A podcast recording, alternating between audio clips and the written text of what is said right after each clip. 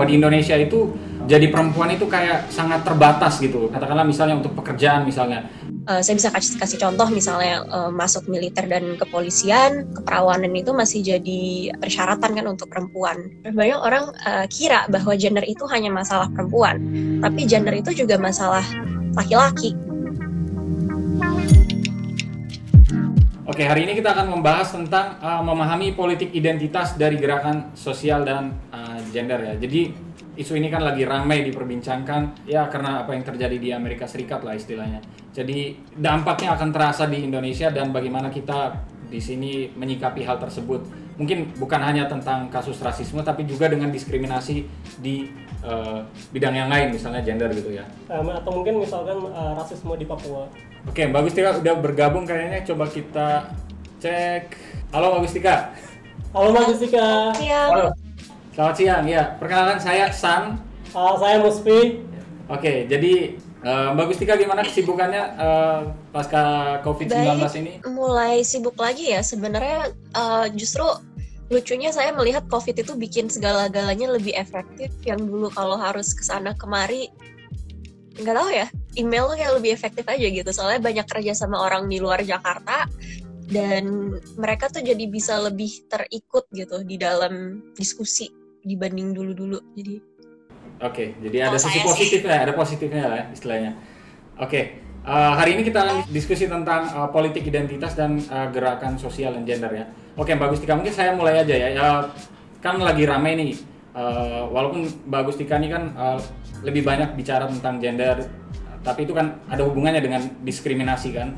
Nah kan sekarang kan lagi ramai di US itu kan kasusnya uh, George Floyd itu tentang rasisme yang luar biasa lah dampaknya menggerakkan begitu banyak orang untuk uh, melakukan aksi protes komentar Mbak Gustika tentang hal ini karena dampaknya itu kan sekarang di Indonesia sudah mulai ada gerakan kan di Papua dan lain sebagainya beberapa orang sudah mulai ya bicara lah tentang uh, hal yang serupa. Komentar Mbak Gustika gimana tentang hal ini?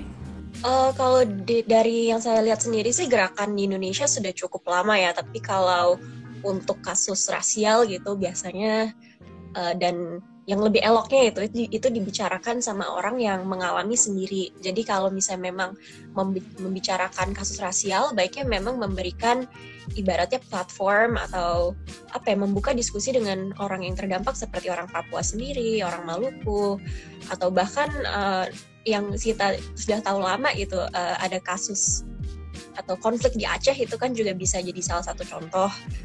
Uh, jadi itu sih salah satunya. Tapi kalau misalnya mau diarahkan ke gender gitu ada istilah uh, yang muncul pada gerakan feminisme gelombang kedua di barat yang uh, istilahnya adalah the personal is political yang artinya adalah yang dialami pribadi juga sebetulnya politis gitu. Dan ini yang uh, mungkin cukup menggambarkan apa yang dirasakan kita semua kan. Jadi walaupun mungkin kita tidak merasakan diskriminasi secara khusus tapi sesuatu yang personal terhadap suatu orang menjadi sesuatu yang politis untuk semuanya gitu. Jadi kepentingan bersama tentunya. Saya melihat mungkin uh, poin yang dimaksud mbak uh, poin yang dimaksud oleh mbak Gustika itu sama seperti gerakan uh, feminis di tahun 1970-an yang menyebut kasus pemerkosaan itu sebenarnya nggak nggak lagi menjadi suatu isu sosial tapi itu sudah menjadi isu politik. Bahkan ada istilah seperti uh, negara laki-laki di sana dan sebagainya. Apakah kontekstualisasi serupa yang Mbak Gustika maksudkan? Uh, semacamnya sih. Jadi kalau di feminisme itu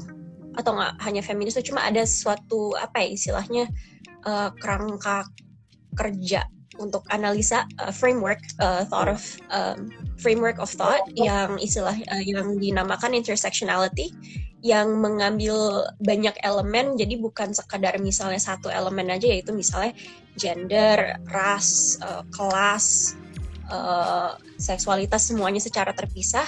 Cuma intersectionality itu terutama dalam feminisme melihat hal-hal tersebut adalah berhubungan gitu satu sama lain. Jadi mungkin uh, saya bisa kasih contoh gitu diskriminasi yang saya alami sebagai perempuan Jakarta berbeda dengan diskriminasi yang uh, dialami oleh perempuan misalnya di Yogyakarta, di Padang, di Jayapura, di Ambon.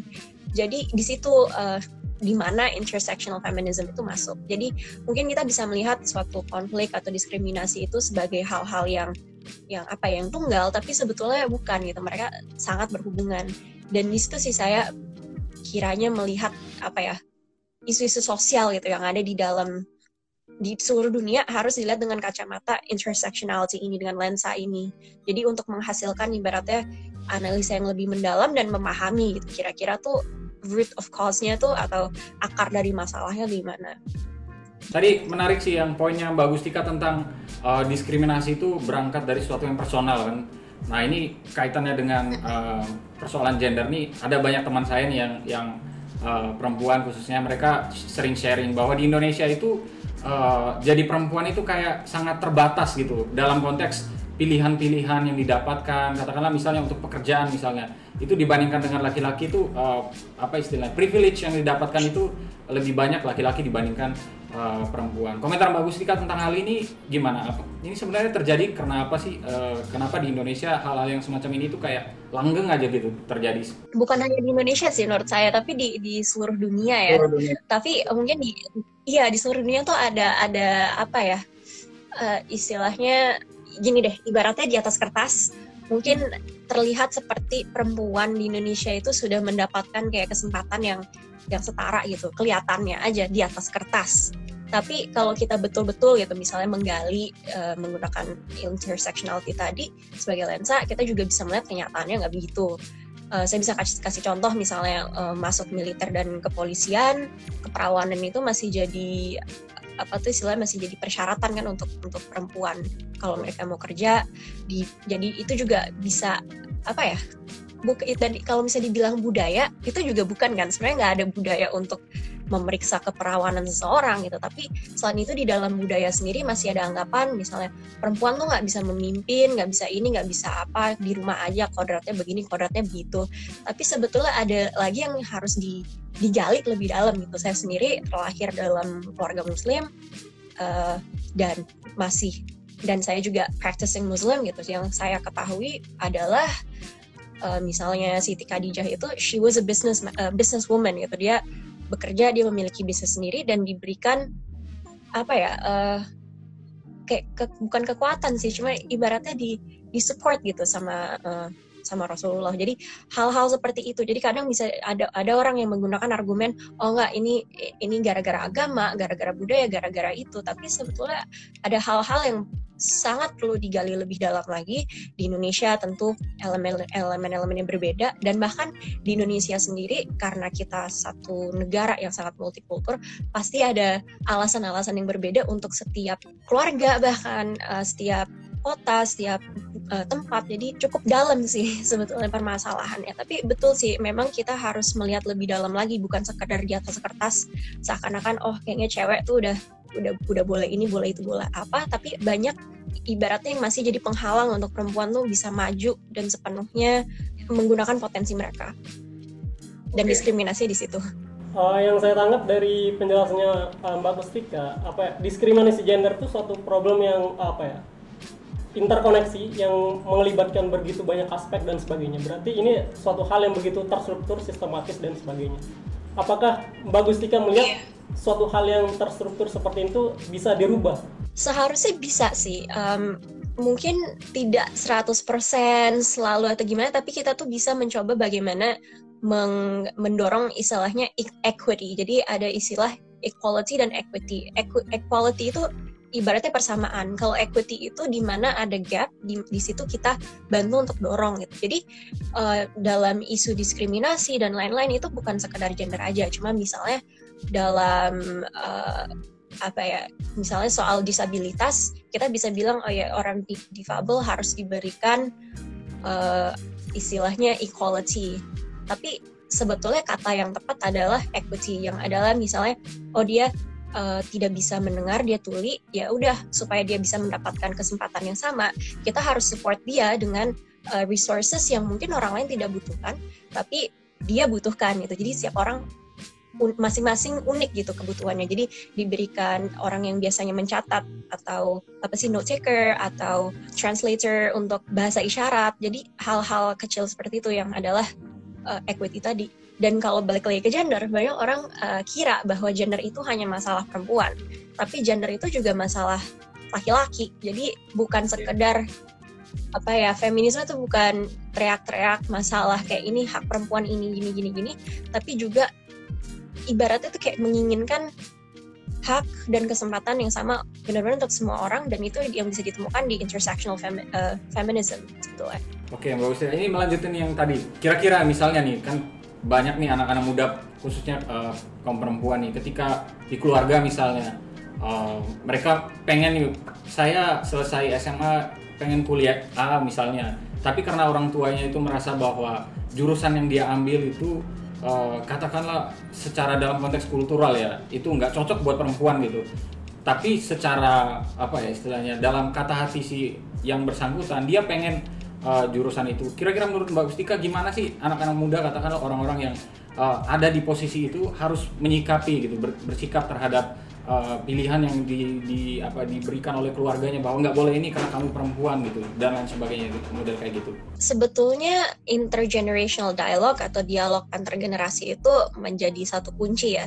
Saya sendiri sangat sering ngobrol dengan ayah ibu saya untuk hal-hal tertentu yang uh, di mana itu menjadi kesempatan saya tuh bisa menjelaskan kepada mereka kenapa saya mau sesuatu gitu. Jadi um, waktu awal mau masuk studi perang di jadi kan eh, kebetulan yang bayar kuliah juga ayah gitu. Dia nanya dulu kamu ngapain sih belajar ribut-ribut?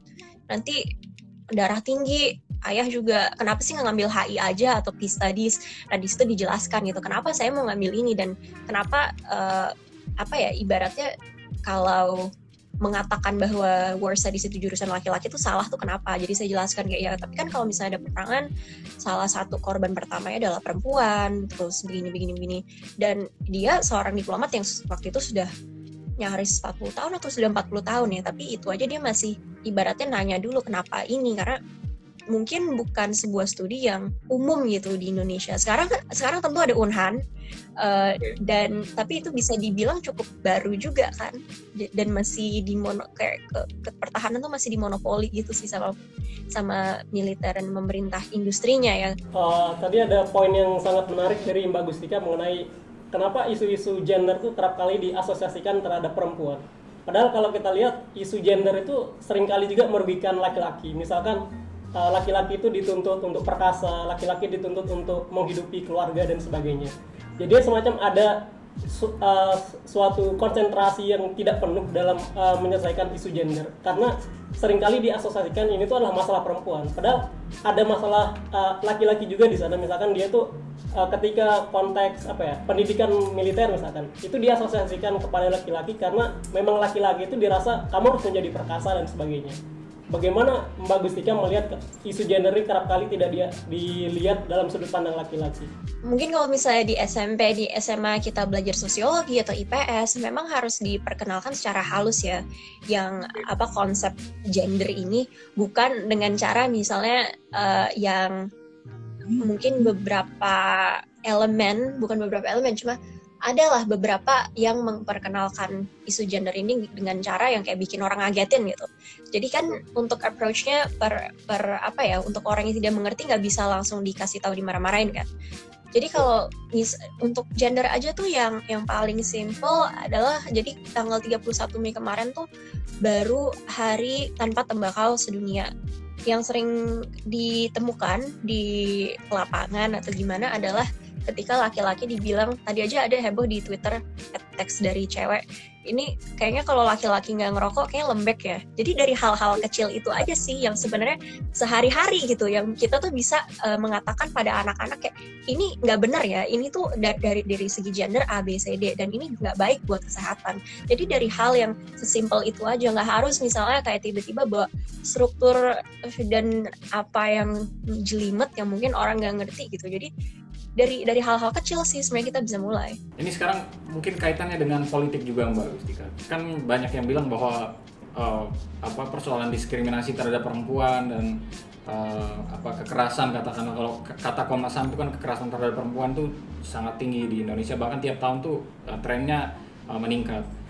Apa sih sebenarnya yang salah dari kalau kita bicara bahwa politik itu bisa menyelesaikan masalah sosial misalnya diskriminasi katakanlah perlu adanya uh, kebijakan yang tertentu yang dibuat untuk isu isu ini. Menurut Mbak Gustika sebenarnya salahnya di mana sih? Apakah benar bahwa pengambil kebijakan kita katakanlah pemerintah atau DPR gitu nggak pernah punya konsen yang serius tentang kasus diskriminasi terhadap perempuan ini?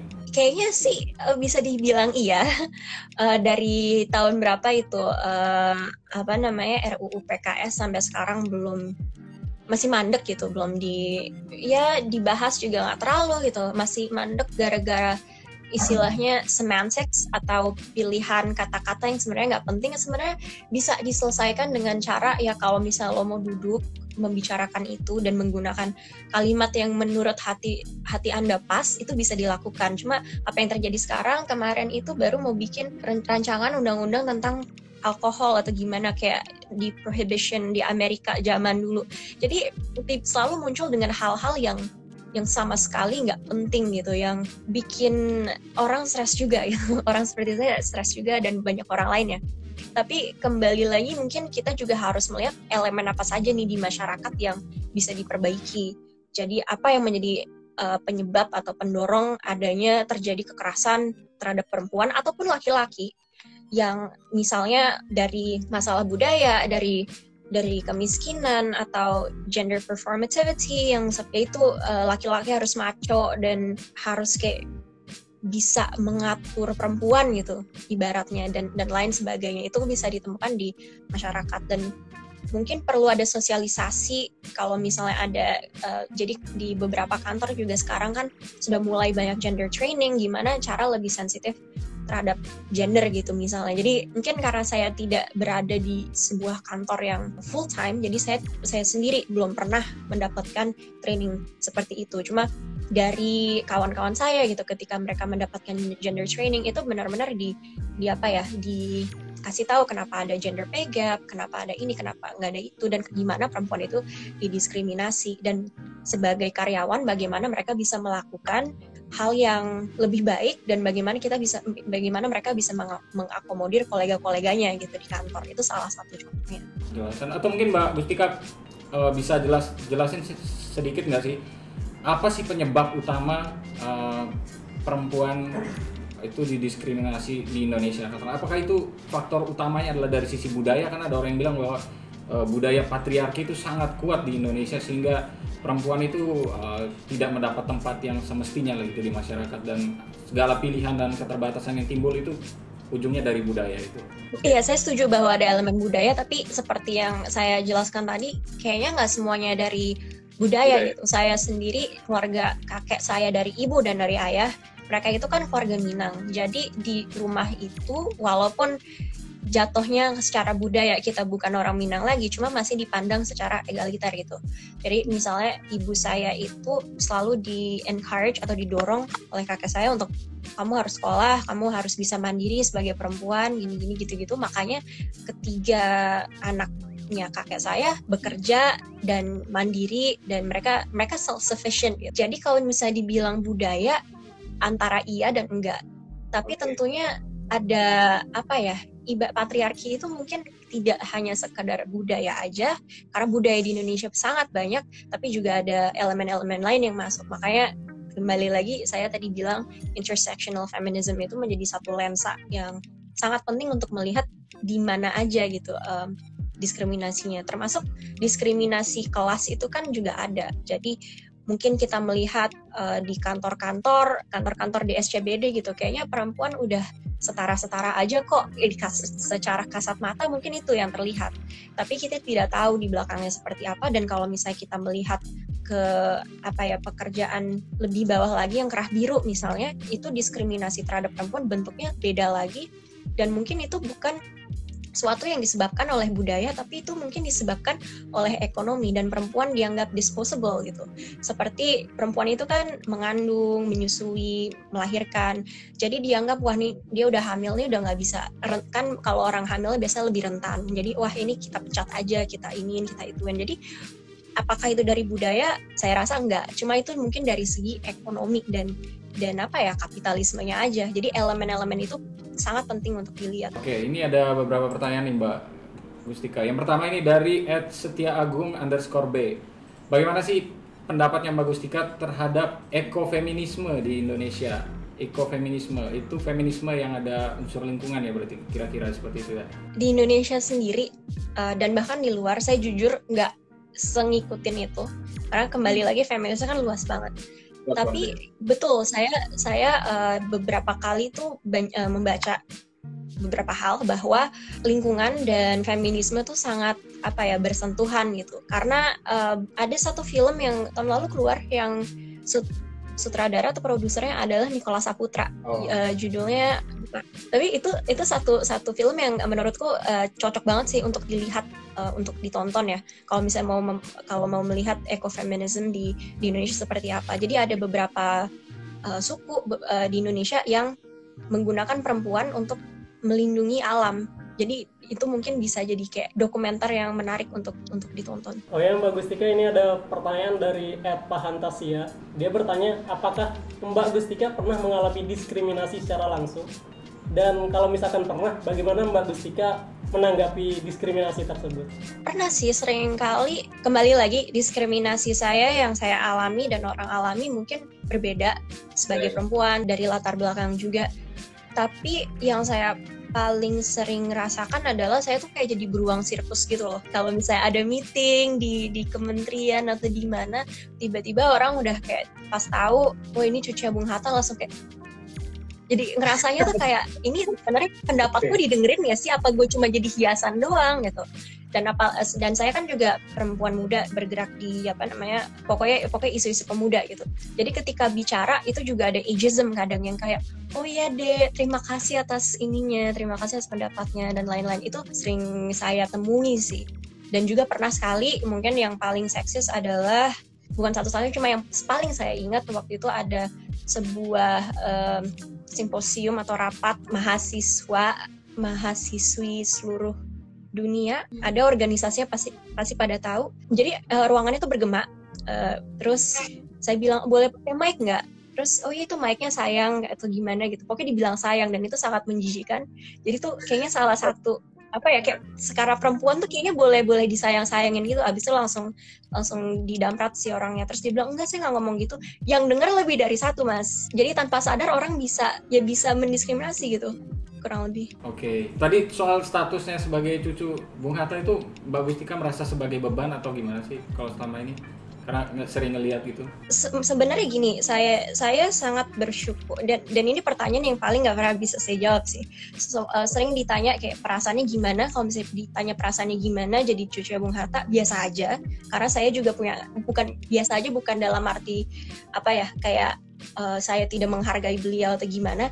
Cuma itu bukan sesuatu yang kayak misalnya saya dikasih bunga sama pacar terus ber, berminggu-minggu bakalan kayak wah baru dapat bunga gitu. Itu sesuatu hal yang saya udah lahir jadi udah yang rasanya tuh kayak ya udah gitu.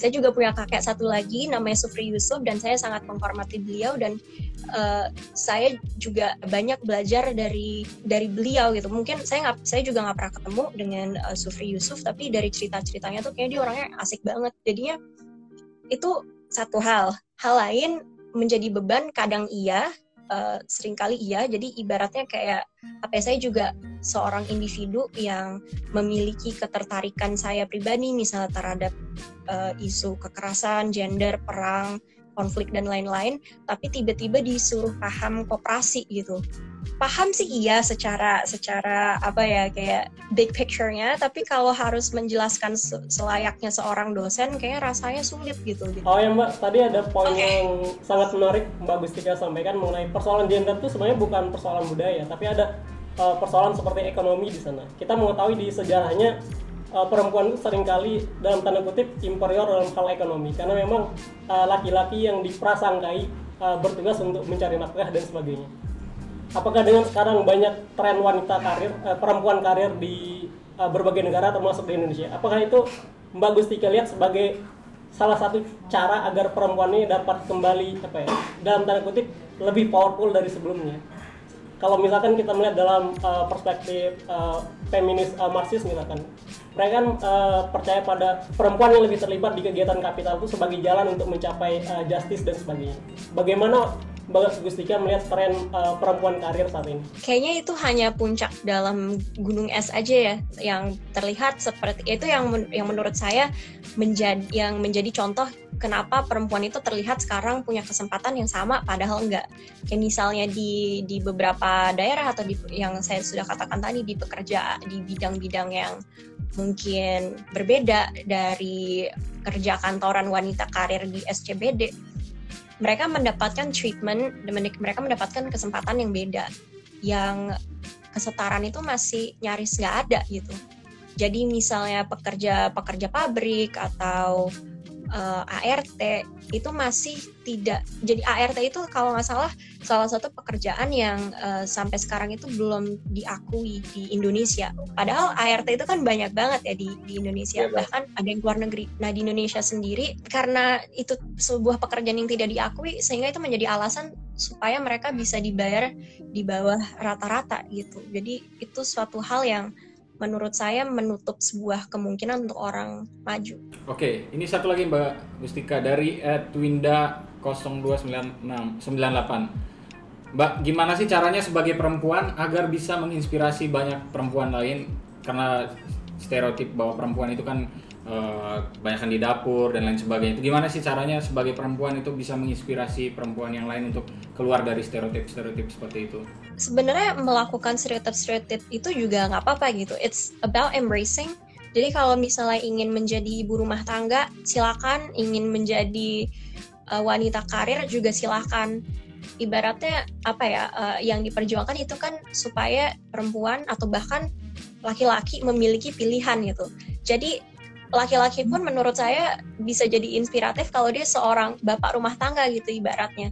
Jadi yang dulu dianggap wah ini laki nggak kerja nggak bisa apa-apa. Itu harus kayaknya embrace aja bahwa dan terima dan dan apa ya menjadikan ibaratnya narasi itu sebagai power gitu untuk kita sendiri. Jadi ya iya gue uh, bapak rumah tangga ada masalah. Jadi lebih kayak gitu sih.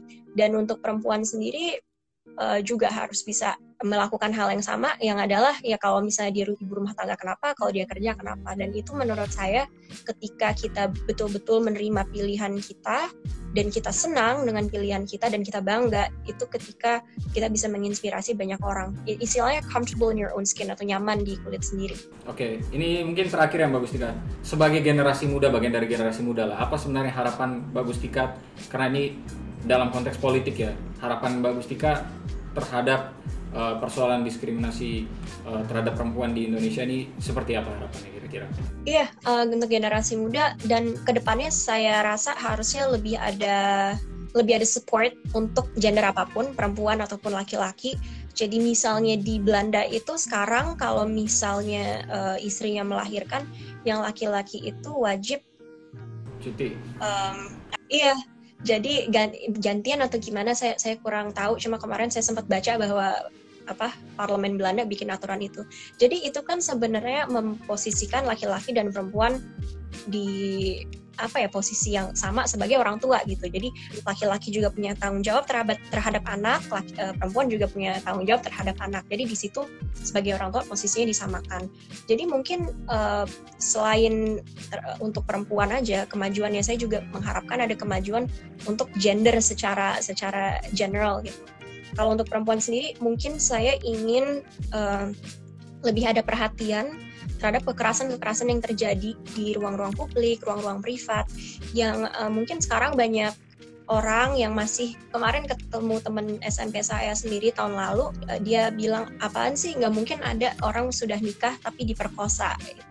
Itu karena kemarin tuh sempat uh, heboh membicarakan marital rape tapi itu betul terjadi gitu. Ketika uh, orang menikah kan itu mungkin ya atas dasar agama itu memang sudah sah.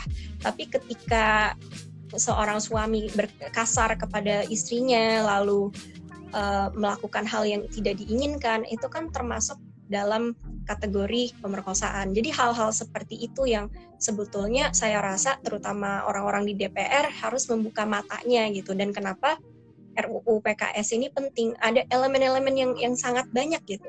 Uh, di RUU PKS juga ada satu butir soal penanganan kekerasan seksual ketika ada bencana saat bencana. uh, saya kan sekarang di sebuah lembaga berhubungan dengan PBB dan di mana saya belajar bahwa di uh, refugee camps atau di apa tenda-tenda pengungsian itu maupun di di mana di mana pun gitu itu sering kali tidak aman bagi perempuan. Jadi apakah dari tenda tersebut ke tempat uh, ke toiletnya itu jauh malam-malam mereka harus pergi ke sana dan on the way ke sana mereka diperkosa atau di, dikerasi. Indonesia kan bisa dibilang cukup rentan terhadap bencana walaupun bukan tingkat yang paling tinggi seperti Filipina atau beberapa negara tapi ketika ada bencana uh, sebetulnya perdagangan orang itu akan meningkat terutama perempuan. Karena ada pemikiran ya udahlah saya nggak bisa ngurus dia lagi nggak bisa ngurus anak lagi saya jual aja supaya bisa makan supaya ini anaknya juga bisa makan. Padahal ternyata ketika sudah keluar mereka itu dieksploitasi. Jadi mungkin saya ingin ada pemikiran yang lebih jauh, lebih holistik terhadap isu-isu kekerasan, isu-isu gender, isu-isu semua dalam segala situasi yang muncul itu betul-betul diperhatikan. Itu yang saya inginkan sih ke depannya. Oke, terima kasih banyak Mbak Gustika untuk uh, waktunya.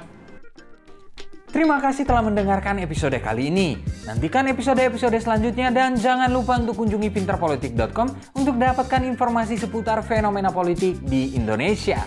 See you next time and bye-bye.